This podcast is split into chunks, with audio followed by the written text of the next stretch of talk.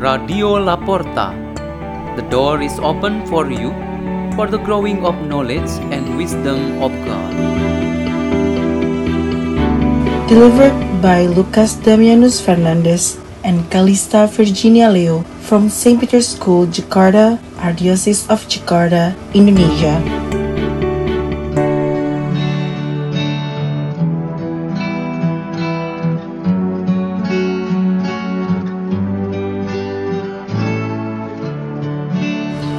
Reading and meditation on the Word of God on Monday of the second week of Advent, December 5, 2022.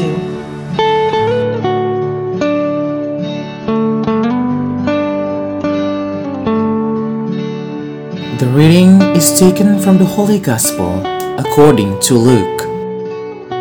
One day, as Jesus was teaching, Pharisees and teachers of the law who had come from every village of Galilee and Judea and Jerusalem were sitting there. And the power of the Lord was with him for healing. And some men brought on a stretcher a man who was paralyzed. They were trying to bring him in and set him in his presence. But not finding a way to bring him in because of the crowd, they went up on the roof and lowered him on the stretcher through the tiles into the middle in front of Jesus. When Jesus saw their faith, he said, As for you, your sins are forgiven. Then the scribes and Pharisees began to ask themselves, Who is this who speaks blasphemies? Who but God alone can forgive sins? Jesus knew their thoughts and said to them in reply, What are you thinking in your hearts? Which is easier, to say, Your sins are forgiven, or to say, Rise and walk? But that you may know that the Son of Man has authority on earth to forgive sins.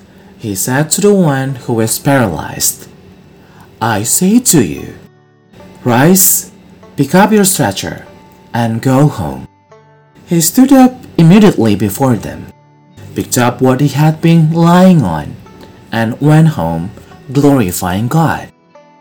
Then astonishment seized them all, and they glorified God, and struck with awe, they said, We have seen incredible things today.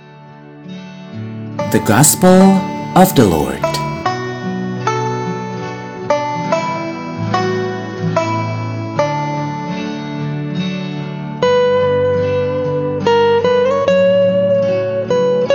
The theme for our meditation today is Salvation is Real. The Word of God and its proclamation during Advent will not be perfect if they do not mention salvation. Indeed, our focus of reflection is on hope. The Word of God does not intend to present a hope that is only fantasy and empty promises. The Word of God remains firm in saying that the salvation from God is real. The prophet Isaiah in the first reading records a long list of hopes for salvation for people of God who exiled in Babylon. This is clearly a promise.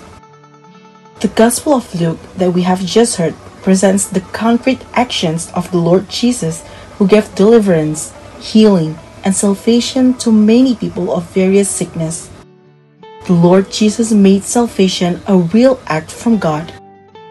He presents God who controls our lives all the time. When we experience difficulties and are threatened by danger, He provides us salvation. God makes salvation His real act through various ways. The first would be in His act to dispel obstacles that obstruct the work of salvation. The arrogant, rulers, educated, and learned and religious leaders who tended to oppose this work were made silent by the Lord.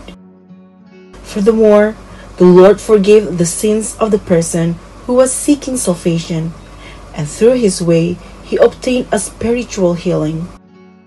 And lastly, God healed his illness and disability, thus, he obtained healing for his body. One of the manifestations of real salvation is the forgiveness of sins. In this Advent season, confession of sins is a mandatory act for every follower of Christ. If John the Baptist had made it clear that the valleys were filled up, the mountains made plain, and the crooked paths straightened out, the instrument to make this happen would be the confession of sin. Every local parish, mission station, and Catholic institution provides an open opportunity for their members to confess their sins in the sacrament of penance. What we usually do are the real actions as we go through a spiritual guidance, then reflection and examination of conscience up to the reception of sacrament of reconciliation. The real fruit of this process should be a person who comes to a moment of reconciliation with himself, neighbors, the church that has been tainted by the sins of her member, and certainly God who has been offended because of the violation of his commandments. The real fruits of a confession of sin should be that the sinner is forgiven, healed, and given a new life. Let's pray. In the name of the Father, and of the Son, and of the Holy Spirit. Amen. A merciful God, enable us to fill our daily lives with a true preparation for Christmas in the acts of regret, forgiveness, and reconciliation. Hail Mary, full of grace, the Lord is with thee. Blessed art thou among women, and blessed is the fruit of thy womb, Jesus. Holy Mary, Mother of God, pray for us sinners, now and at the hour of our death. Amen. Glory be to the Father, and of the Son, and of the Holy Spirit. Amen. Radio La Porta. The door is open for you.